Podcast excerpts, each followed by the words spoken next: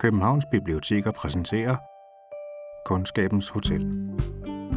Velkommen til Kundskabens Hotel. Podcasten, der giver dig det bedste fra biblioteket. Det bløde sæde hopper let over de bumlende skinner. Byer og landskaber passerer forbi udenfor. Roen sænker sig. Og så kommer bogen op af tasken. Man er i bevægelse, men tiden kan lidt gå i stå, imens man læser. Det her er Josefine fra bogblokken Bøger på Stribe. For hende er toget et af de allerbedste læsesteder. En slags gave af tid, som man ellers ikke kan gøre noget med. Det er det, jeg synes, der kan være helt vildt fedt, når man læser. At du sådan bliver grebet af den her anden verden og forsvinder helt ind i den. En lille lomme, hvor der opstår plads til fordybelse i en bog. Sådan, wow, nu er der gået en time, eller okay, nu sidder der en anden over for mig, end der sad før. En verden, man kunne forsvinde til, var for eksempel 30'ernes Alabama i selskab med Scout, Jem og Atticus og de mange farverige karakterer i den dampende hede og faldefærdige by Macon.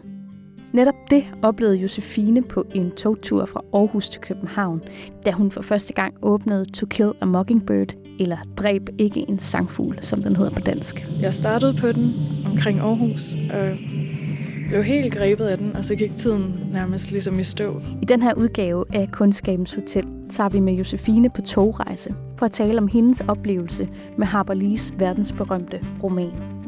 Vi lytter til fortælleren Scout på en gang modigt undrende og gammelkloge pigestemme. Og så ser vi på far Atticus, der er et næsten overmenneskeligt moralsk kompas midt i et fattigt og gennemracistisk lokalsamfund. Og så taler vi om, hvad det er ved den her roman, der på trods af, at den er udtryk for en helt anden tid i amerikansk historie, forbliver evigt aktuel.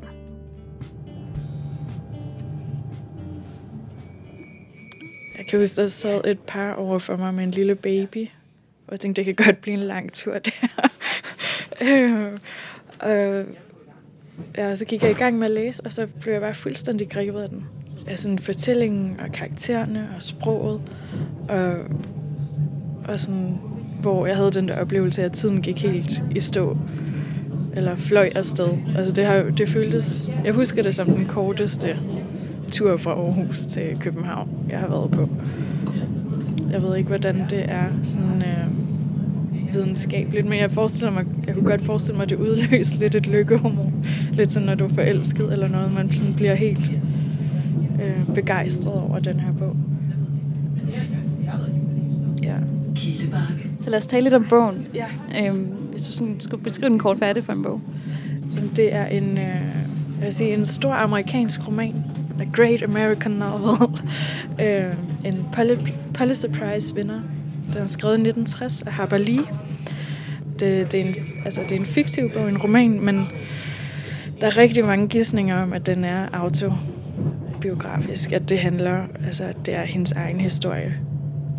Den foregår i en lille by, en fiktiv by, Macomb, i Alabama, i sydstaterne i USA, og det er under depression, så det, der er mange fattige, der er sådan lidt krisestemning, samtidig med, at racisme er en, øh, en del af hverdagen, sådan helt konkret, bare sådan er det.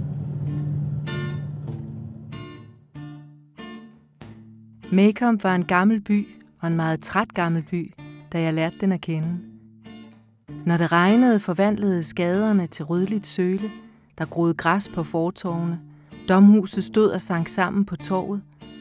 Af en eller anden grund var det varmere dengang.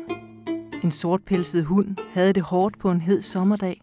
Red magre muldyr, der var spændt for faldefærdige kære, daskede med halerne fluerne væk fra deres flanker i den glødende hede under de gamle ege på torvet. Stivelsen var gået helt ud af mændenes flipper allerede klokken 9 om morgenen.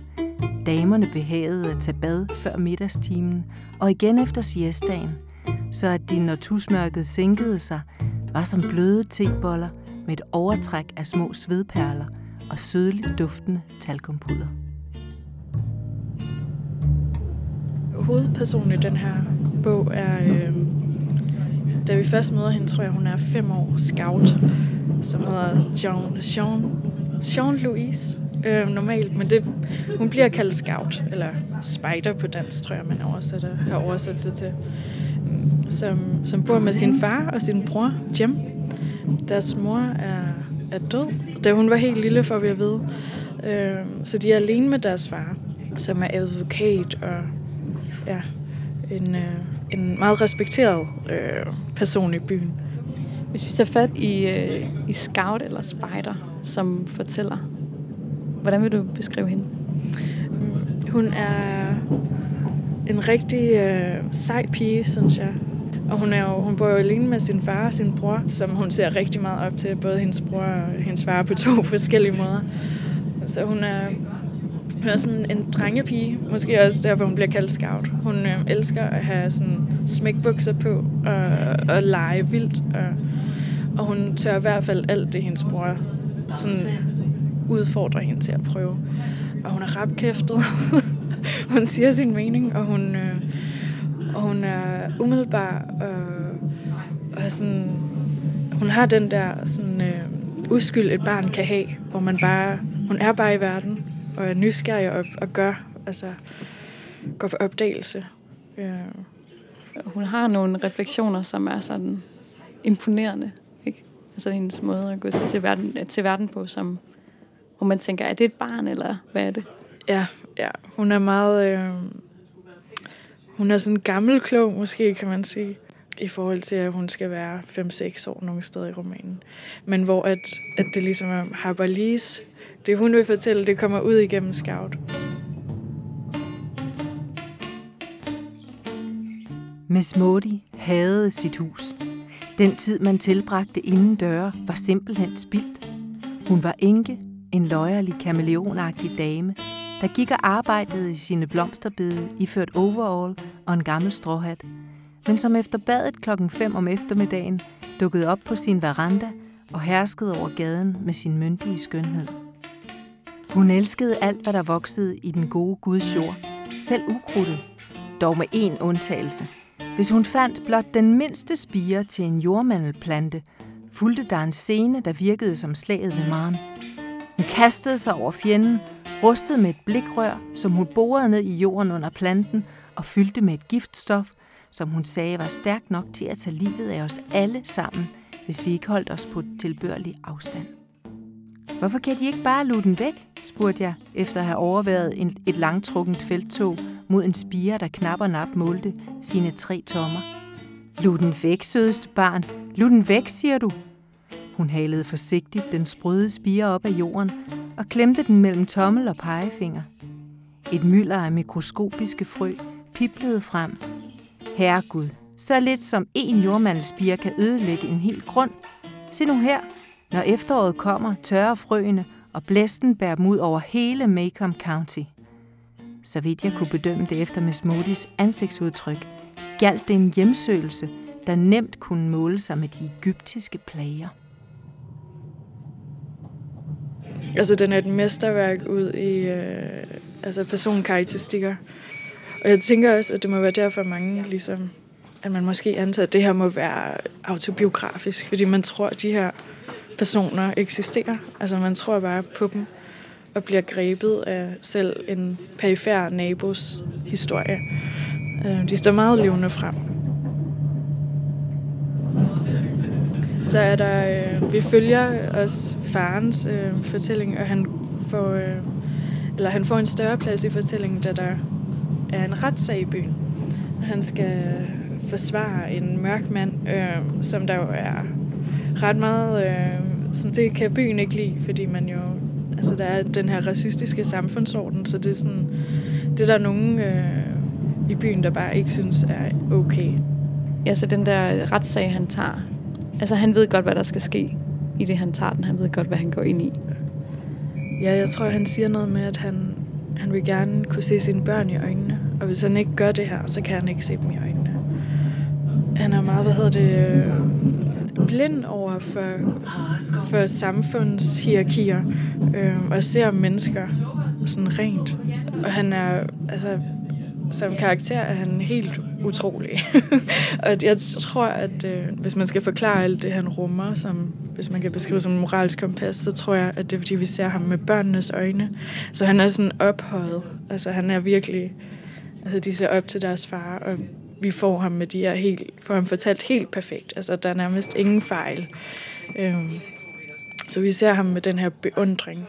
Jeg kan godt lide at beskrive ham som et, et moralsk kompas, fordi han ligesom altid, når der er, når børnene har, øh, når de sådan er børn og fantaserer eller gør noget, så kommer han altid lidt ind, og så får han lige guidet dem i den retning, hvor han lige får, han siger ikke så meget, men han får dem lige til at tænke, nå ja, øh, måske skulle vi lige tænke over, hvordan andre har det, eller det havde vi ikke lige tænkt på. Og så og sådan agerer han i hele det her samfund, og igennem hele romanen. Ser du, Scout, der er visse ting, du ikke er gammel nok til at forstå endnu. Men der bliver visket og tisket af skil i de krogene her i byen om, at jeg ikke burde have påtaget mig forsvaret for den mand. Det er en sag af en egen art. Den vil ikke blive forelagt retten før i sommer. John Taylor var så elskværdig at give os en udsættelse. Men hvis du ikke burde forsvare ham, hvorfor gør du det så alligevel? Det har jeg mine grunde til, sagde Atkas. En af dem, den vigtigste, er den, at jeg ikke ville kunne se nogen i øjnene her i byen. At jeg ikke ville kunne repræsentere Macomb County i den lovgivende forsamling, og at jeg ikke længere ville kunne forbyde dig og Jim, hverken det ene eller det andet, hvis jeg ikke gjorde det. Mener du, at hvis du ikke forsvarede den mand, så behøvede Jim og jeg ikke at adlyde dig mere? Ja, så omtrentligt. Men hvorfor? Fordi jeg simpelthen ikke kunne forlange det af jer. Ser du, Scout, det ligger i selve en sagførers arbejde, at han får mindst en af den slags sager i løbet af sit liv. Denne her er jo ensynlig min. Du får nok adskillige ubehageligheder at høre i skolen, men tag at gøre en ting for mig, vil du? Hold hovedet højt, men ikke dine små hårde næver. Ligegyldigt, hvad der bliver sagt til dig, så lad være med at lade dig tire. Prøv, om du ikke til en forandring kan slås med dit hoved. Det er ikke så værst endda, selvom det ikke altid er lige lærevilligt.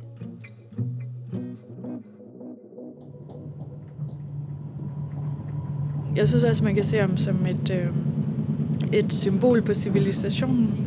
Han er sådan et, et anker i den her by.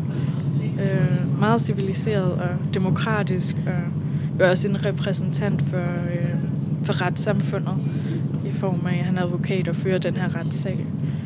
Hvor han også kommer med en utrolig flot tale om, at alle mennesker er ikke født lige. Det må vi, sådan er det bare, men vi er lige for loven. Uanset hvem du er og hvordan du ser ud. Og det, det, øh, det siger meget om, hvordan han ligesom er, hvordan han ser menneskene. Jeg tror også, det bliver ikke sådan forklaret eksplicit i bogen, men jeg tror også, at det er noget med hans... Øh, han er bevidst om sin egen styrke i, i det lille samfund, at han er en af dem, der... Altså, han er en af de få, der vil kunne føre den retssag. Så han føler det også som sin pligt, fordi han... Igen det, han på et tidspunkt siger med, at alle ikke er født lige. Nogle har bare andre privilegier, nogle er mere intelligente end andre, og nogle altså er født med nogle fordele, andre ikke er. Og der tror jeg, at han tager det ansvar på sig, at han, han er en af de bedre stillede i det samfund. Og det skal man... Øh, at så har man også ja, et ansvar og en pligt. Jefferson sagde engang, at alle mennesker er født lige. En påstand, som yankierne og ikke mindst Washington har en hang til altid at stikke os i næsen. I dette herrens år 1935 er der visse mennesker, der ynder at benytte bemeldte påstand i en ganske anden sammenhæng end dens oprindelige, fordi det passer bedst i deres kram. Et af de tåbeligste eksempler herpå ser vi, når de folk, der har ansvaret for opdragelsen af landets ungdom, lader de dumme og dogne følge trop med de flittige og begavede, og lader dem gøre det for enhver pris. Fordi, påstår disse opdrager højtidligt, at alle mennesker er født lige, og fordi de børn, der bliver sejlet agterud, får de frygteligste mindreværdskomplekser. Vi ved også udmærket, at alle mennesker ikke er født lige i en vis forstand, som nogle folk vil have os til at tro. Der er dem, der er mere opvagte end andre. Der er dem, der får flere chancer, simpelthen fordi de er født med dem. Der er mænd, der tjener flere penge end andre, og kvinder, der bærer bedre plomkager end andre. Ja, der er simpelthen og vil altid være individer, der er født med større evner end flertallet af os dødelige. Men der er et punkt, hvorpå alle mennesker kan kræve ligestilling. Der er en af de menneskeskabte ting, der gør en fattig pære til en Rockefellers jævnbyrdige, den dumme til en Einsteins jævnbyrdige, og den uvidende til den lærtes jævnbyrdige. Jeg taler om retten, mine herrer. Det kan være de forenede staters højeste ret, og det kan være den ynkeligste lille distriktsdommerret, eller det kan være den ret, de nu befinder dem i. Vores retssystem har sine fejl, som alle menneskeskabte ting har deres, men her i landet er det retten, der er den store udjævner, og i retten anses alle for at være født lige.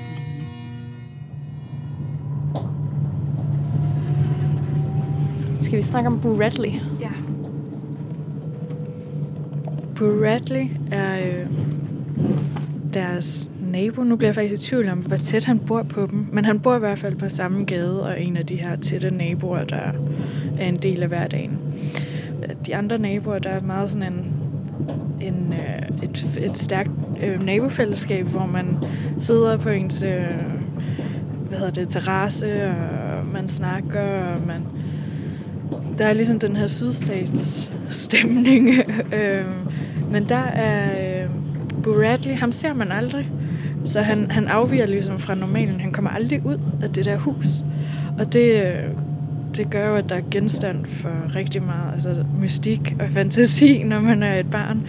Så Jem og Scout øh, får jo alle, altså, har jo alle de her vilde fantasier om, hvem han er, hvorfor han ikke kommer ud af huset. Og så spørger de nogle af naboerne, nogle af altså nogle rigtige damer.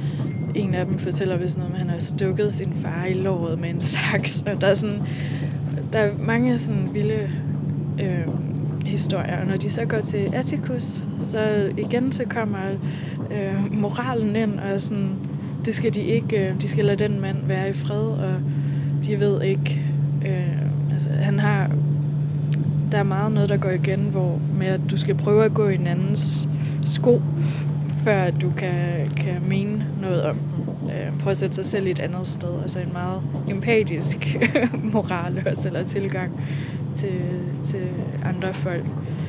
Men deres, altså, øh, de kan ikke rigtig slippe øh, Bradley og hele det her mystik om ham. Så begynder der på et tidspunkt, så er der et øh, træ på vejen med et, øh, et hul i, hvor at de finder ting. øh, øh, på et tidspunkt finder de jeg tror jeg, to sæbefigurer, som forestiller dem. Altså en, der har skåret dem ud i sæbe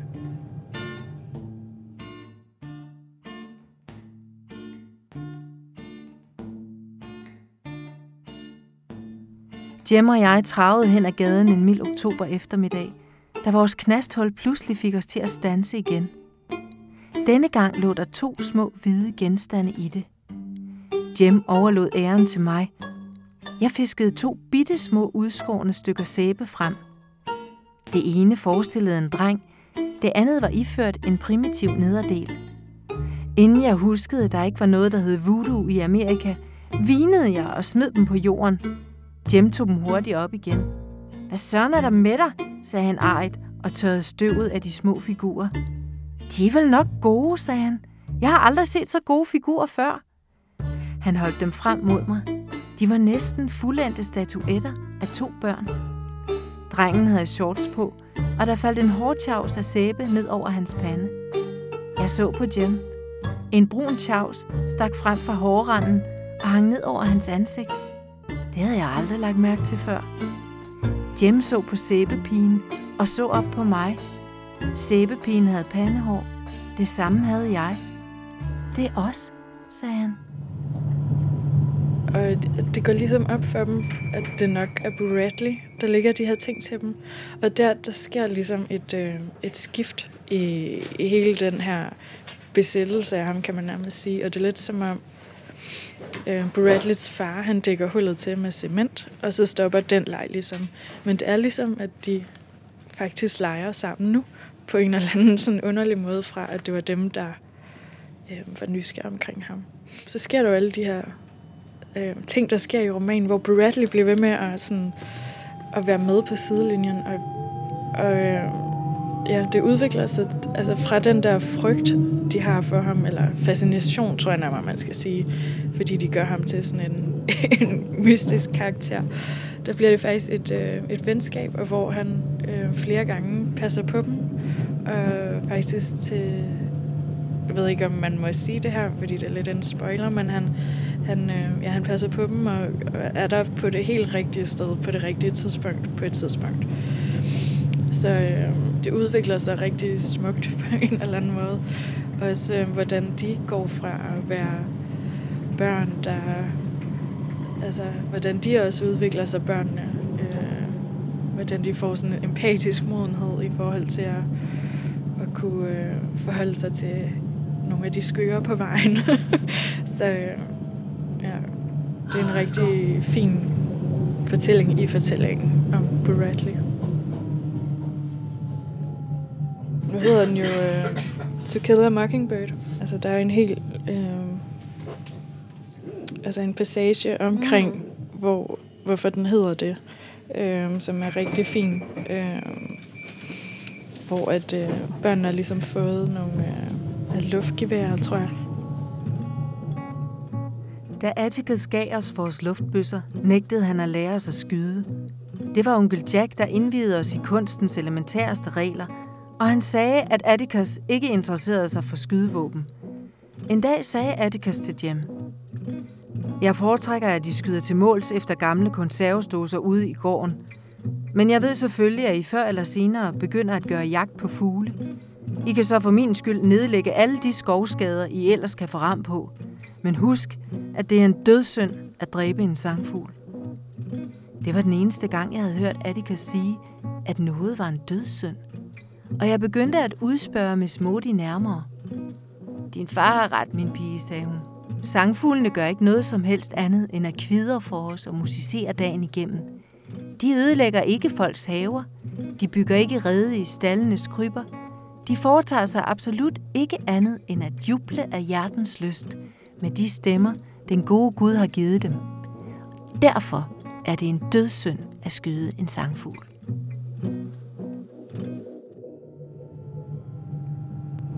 Altså, det er en bog, der omfavner utrolig meget, og er ret svær at beskrive, synes jeg. Øh, fordi den, man kan snakke om den, altså, altså blive ved og blive ved med at snakke om den. Øh, jeg tror også, det er derfor, at den er blevet så populær, at den har vundet Pulitzer-prisen, og den er, den er fast pensum i high school i USA, så vidt jeg ved. Øhm, fordi den bare den har noget eviggyldigt i sig, og utrolig mange temaer, man, øh, man kan gå ned i. Altså, da jeg læste den første gang, der tror jeg, jeg tænkte, hvor er det vigtigt, at der er en roman her, der kan fortælle os, hvor altså, det med, at N-ordet, nu har jeg læst den på engelsk, N-ordet går, bliver brugt konsekvent. Øh, og det vil man jo være kritisk over for i dag, men der er romanen jo ligesom et stykke historie om, hvordan det har været i den tid, og hvor vigtigt, at det ikke er sådan mere, og at, at sådan skal det ikke være. Øh, og det tænkte jeg første gang. Okay, her er en fortælling om, hvor, altså, hvor forfærdeligt at, at det har været, det, racismen og for de mennesker.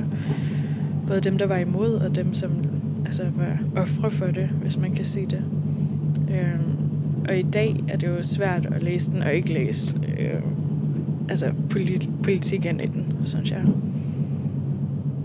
Ja, det kan man i hvert fald... Øh, den er stadig aktuel.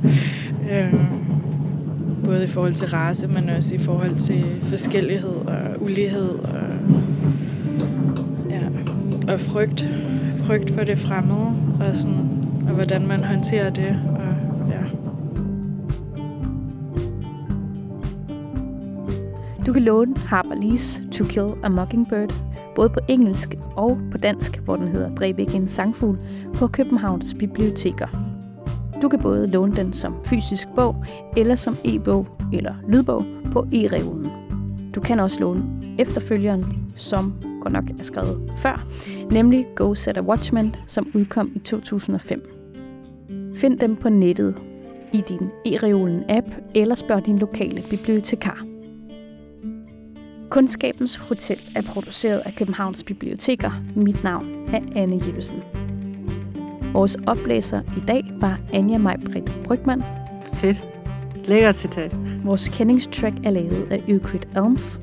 Vi brugte også numrene Railroads Whiskey Company af Jasara og Running Water af Jason Shaw og en minor chord progression af Uncle Sigmund. Og lige om lidt så spiller jeg en lille bitte bid fra et interview af Harper Lee fra 1964 for WQXR. Hvis du ikke allerede gør det, kan du abonnere på os i iTunes eller i din foretrukne podcast-app. Tak til jer, der allerede har anmeldt os. Det sætter vi stor pris på, for vi vil så gerne nå ud til flere lyttere. Vi lyttes ved. I never expected that the book would sell in the first place. I was hoping for a quick and merciful death at the hands of the reviewers. But I was hoping that maybe somebody might like it well enough to give me some encouragement about it.